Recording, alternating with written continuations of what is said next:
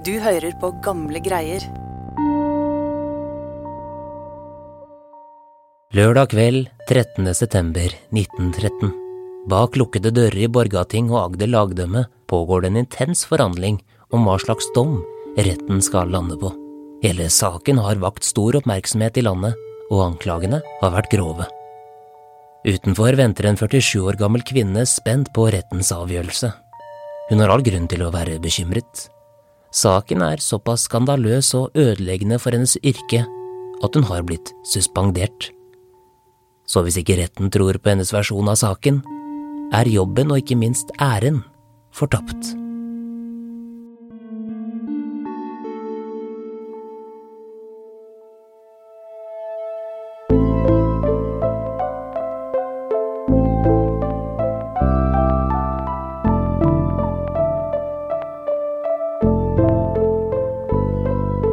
Publikum er angivelig helt stille når dommen blir lagt fram, og det er ikke så rart.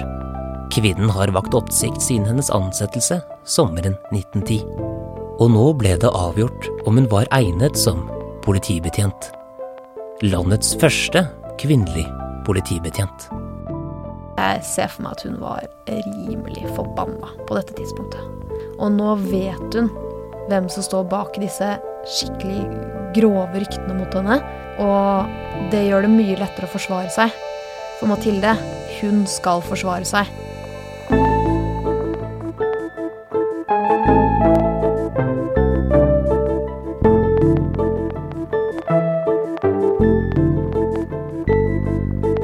Velkommen til Gamle greier, podkasten hvor vi her på Nasjonalbiblioteket gir deg historier fra samlingen vår. Mitt navn er Lars Hammeren Risberg.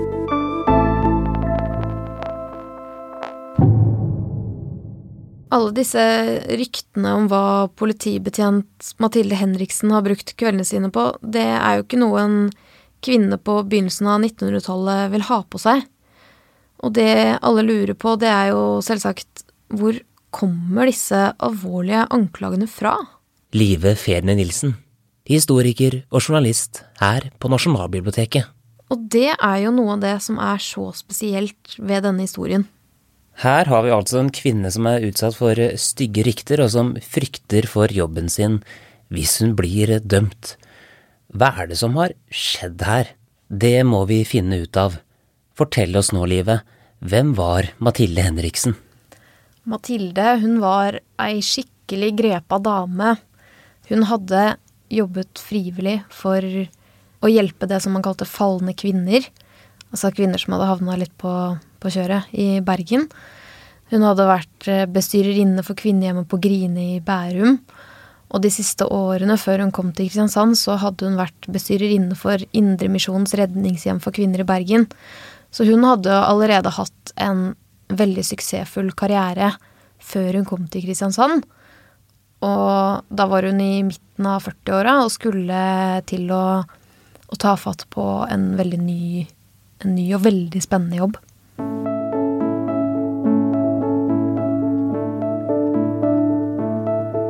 På starten av 1910-tallet blir det utlyst en historisk stilling i politiet. Kristiansand søker en kvinnelig politibetjent, og en av de som søker på stillingen, er Mathilde Henriksen. Kristiansand politikammer er da det første i Norge til å anerkjenne at det kanskje kan være en rolle for kvinner i politiet. Det er bl.a. fordi de har sett med bekymring på det som de så på som et økende problem innenfor de gruppene som de mannlige politimennene kanskje ikke hadde helt styring på. Eh, kanskje ikke helt forsto de, de sfærene som, som, var litt lukka for dem. Nemlig eh, kvinnesfæren og den tilhørende da barnesfæren, altså barn og unge og kvinner i Kristiansand. De trengte en som kunne sette seg respekt i disse gruppene, både for å beskytte dem, men også for å kunne håndheve loven. Var det mange som søkte på jobben?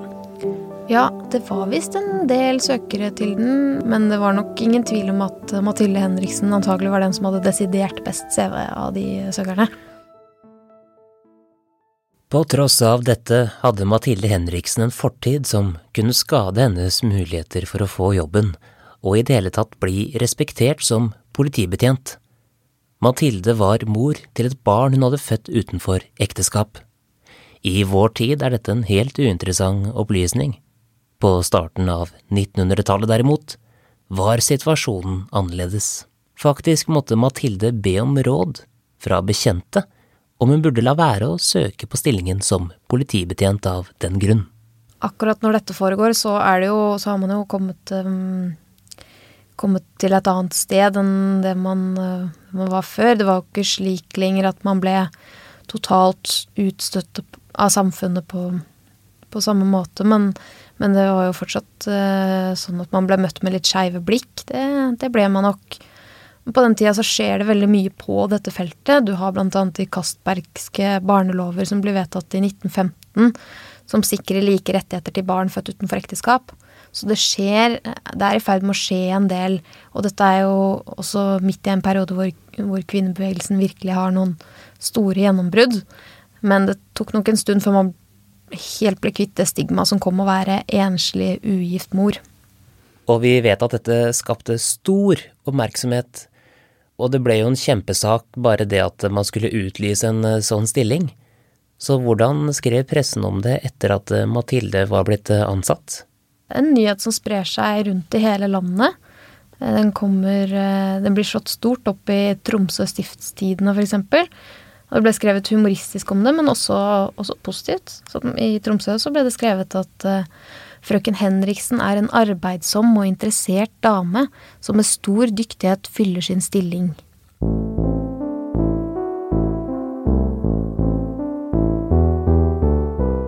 Etter ansettelsen fikk kritikerne av den nyopprettede stillingen en konkret person å gå etter.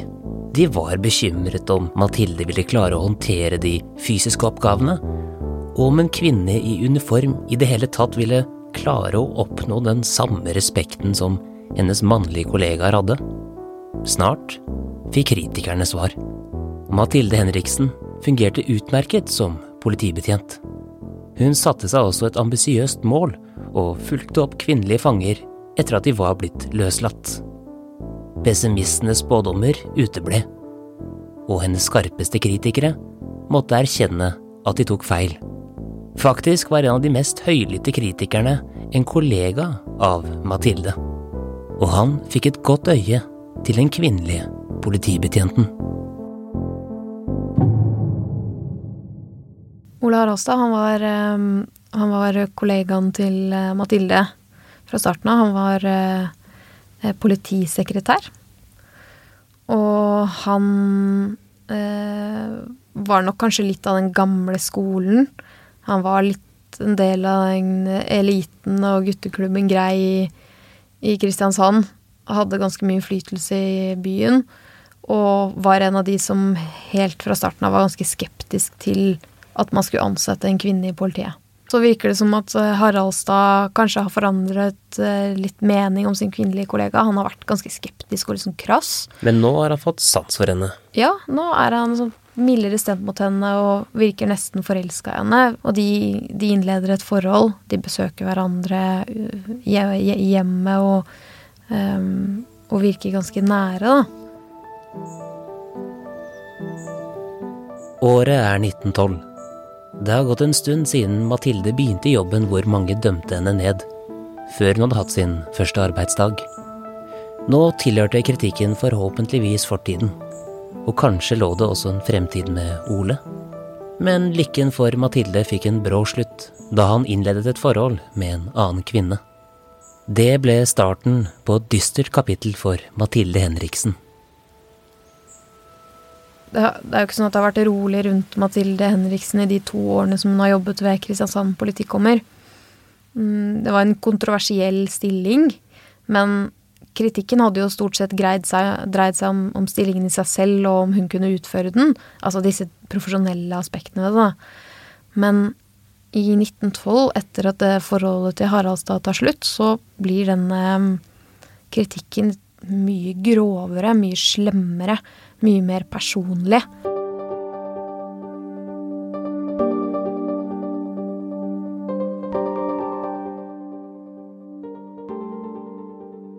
I oktober 1912 så, så mottar flere av byens embetsmenn eh, et anonymt rundskriv med det som var utrolig grove beskyldninger mot Mathilde.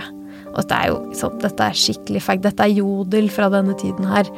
De, de, skriver ikke under med navn. Det er veldig sånn, det er bitende ironisk. Det er, det er sånn hatsk. Skandale. Hvem er byens frekkeste kvinne? Den kvinnelige politibetjent frøken Henriksen har mannfolk inne hos seg om nettene. Hun holder seg sågar sammen med gifte menn.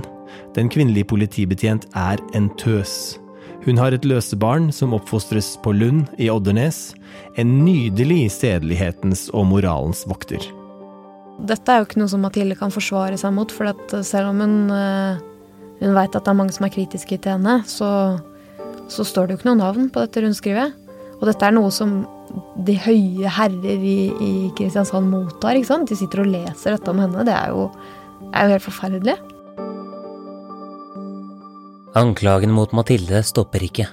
Noen måneder senere kommer det nye angrep, denne gangen i lokalavisene via anonyme lesebrev. Nå er altså offentligheten kjent med ryktene om den kvinnelige politibetjenten. Mathilde stilte seg trolig spørsmål om hvem er det som står bak alt dette, og hva vil personen eller disse personene oppnå? Samtidig får politisjefen som ansatte Mathilde et brev, men denne gangen er ikke avsenderen anonym. Brevet er signert, og avsenderen er Ole Haraldstad.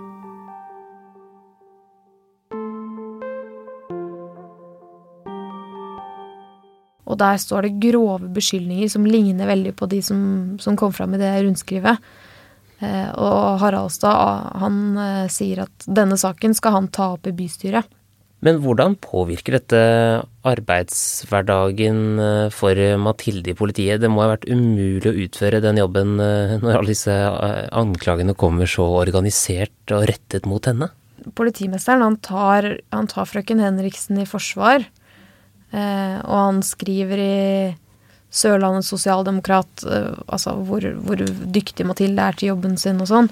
Men det blir likevel nødvendig å suspendere henne fra stillingen til man har fått klarhet i saken. Og det kan jo godt hende at det både henger sammen med eh, anklagene, men også at dette her var jo noe som hele byen visste plutselig.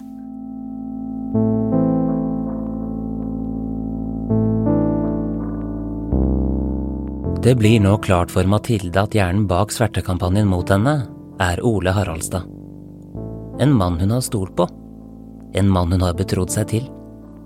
Men nå viser det seg at han har gjort alt han kan for å ødelegge hennes omdømme. Og han har så langt lykkes med det.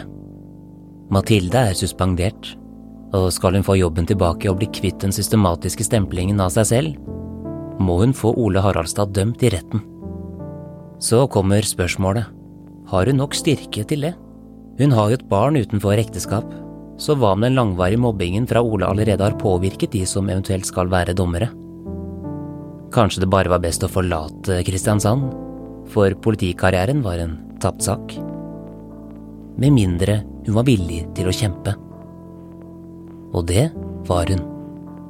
Den 17. februar 1913 anmelder Mathilde Ole for ærekrenkelse.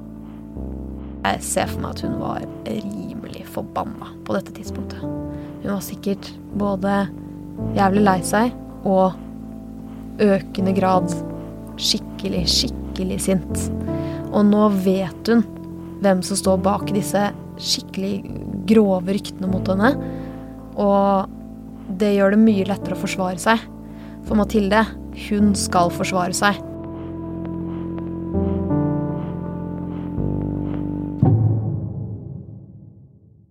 Ja, det ble rettssak, og hvordan gikk det? Saken får veldig stor oppmerksomhet i hele, hele landet, da. Det er veldig mange som møter opp uh, utafor uh, rettslokalet, og, og, først så Først så er det litt, litt, mindre klarhet i hva som faktisk har skjedd, fordi Haraldstad han nekter for å være forfatteren bak det rundskrivet med de alvorlige beskyldningene. Men etter hvert som rettssaken går fremover, så kommer eh, innrømmelsene på løpende bånd. Det er han som har skrevet det.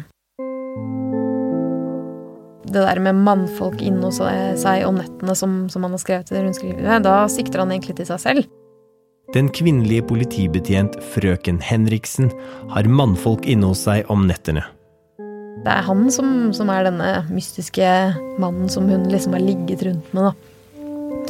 Og egentlig så kommer det fram at hele, hele saken mot uh, Mathilde det, det, er bare rykter og spekulasjoner som Haraldstad har satt ut etter dette lille forholdet deres, da. Men hva var motivet hans? Hvorfor iverksetter han en, eh, nærmest en operasjon eh, i en sånn skala mot henne? Hva er det han vil oppnå? Ja, det er jo det som Så det virker jo helt absurd, ikke sant? Eh, for oss i dag. Og det, og det var mange andre også som syntes at han var en skikkelig drittsekk og ikke forsto hva det var han ville med det her, også på den tiden. Jeg tipper at det var en blanding av personlig Altså det personlige forholdet deres, hvordan det utspilte seg. Kanskje en form for bitterhet der.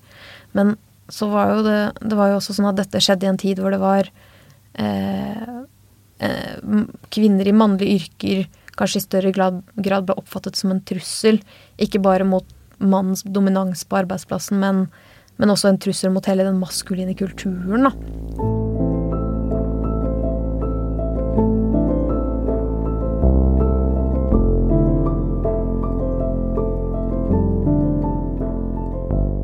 Det er helt stille når rettens avgjørelse blir lest opp den 13. september.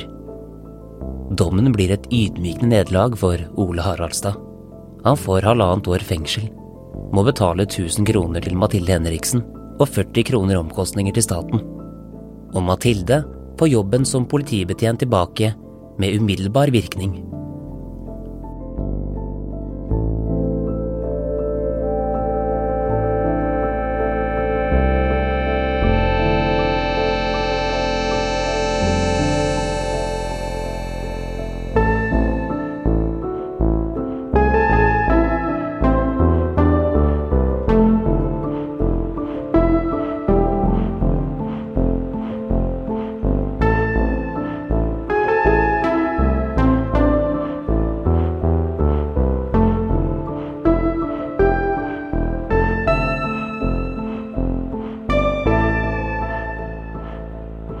Hvordan skrev pressen om det i etterkant, da?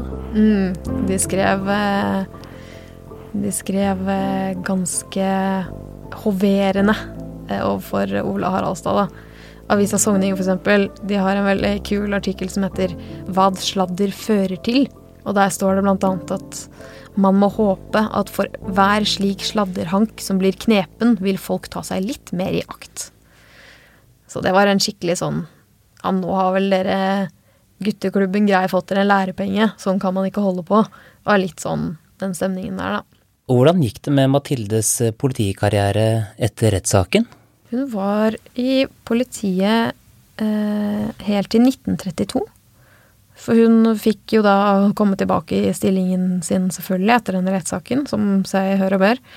Og var da politikonstabel i Kristiansand helt til hun gikk av med pensjon. Og det var jo da 22 år etter at hun eh, begynte i jobben. Og så var det bare tolv år seinere at hun døde, og da hadde hun hatt et langt liv med en rik yrkeskarriere. Hun hadde gifta seg eh, på nytt og fått eh, barn. Og hadde blitt 77 år gammel.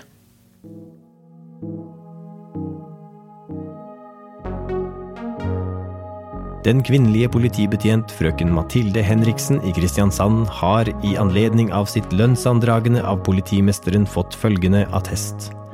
Det viste seg allerede nokså snart efter frøken Henriksens tiltredelse at der ved politiet er flere ting som en kvinne kan ordne mer tilfredsstillende enn en mann.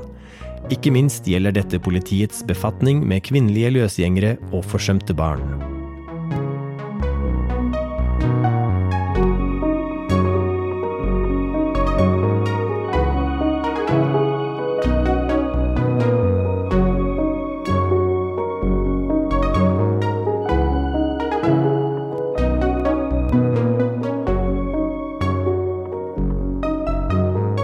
Kan lese mer om denne hendelsen og Mathilde Henriksen i Lives artikkel i historier fra samlingen på nb.no. Musikken du hørte i denne episoden, og som du hører akkurat nå, er skrevet og produsert av Therese Aune. Du finner mer av hennes musikk på thereseaune.com, eller der du strømmer musikk til vanlig. Mitt navn er Lars Hammeren Risberg. På gjenhør.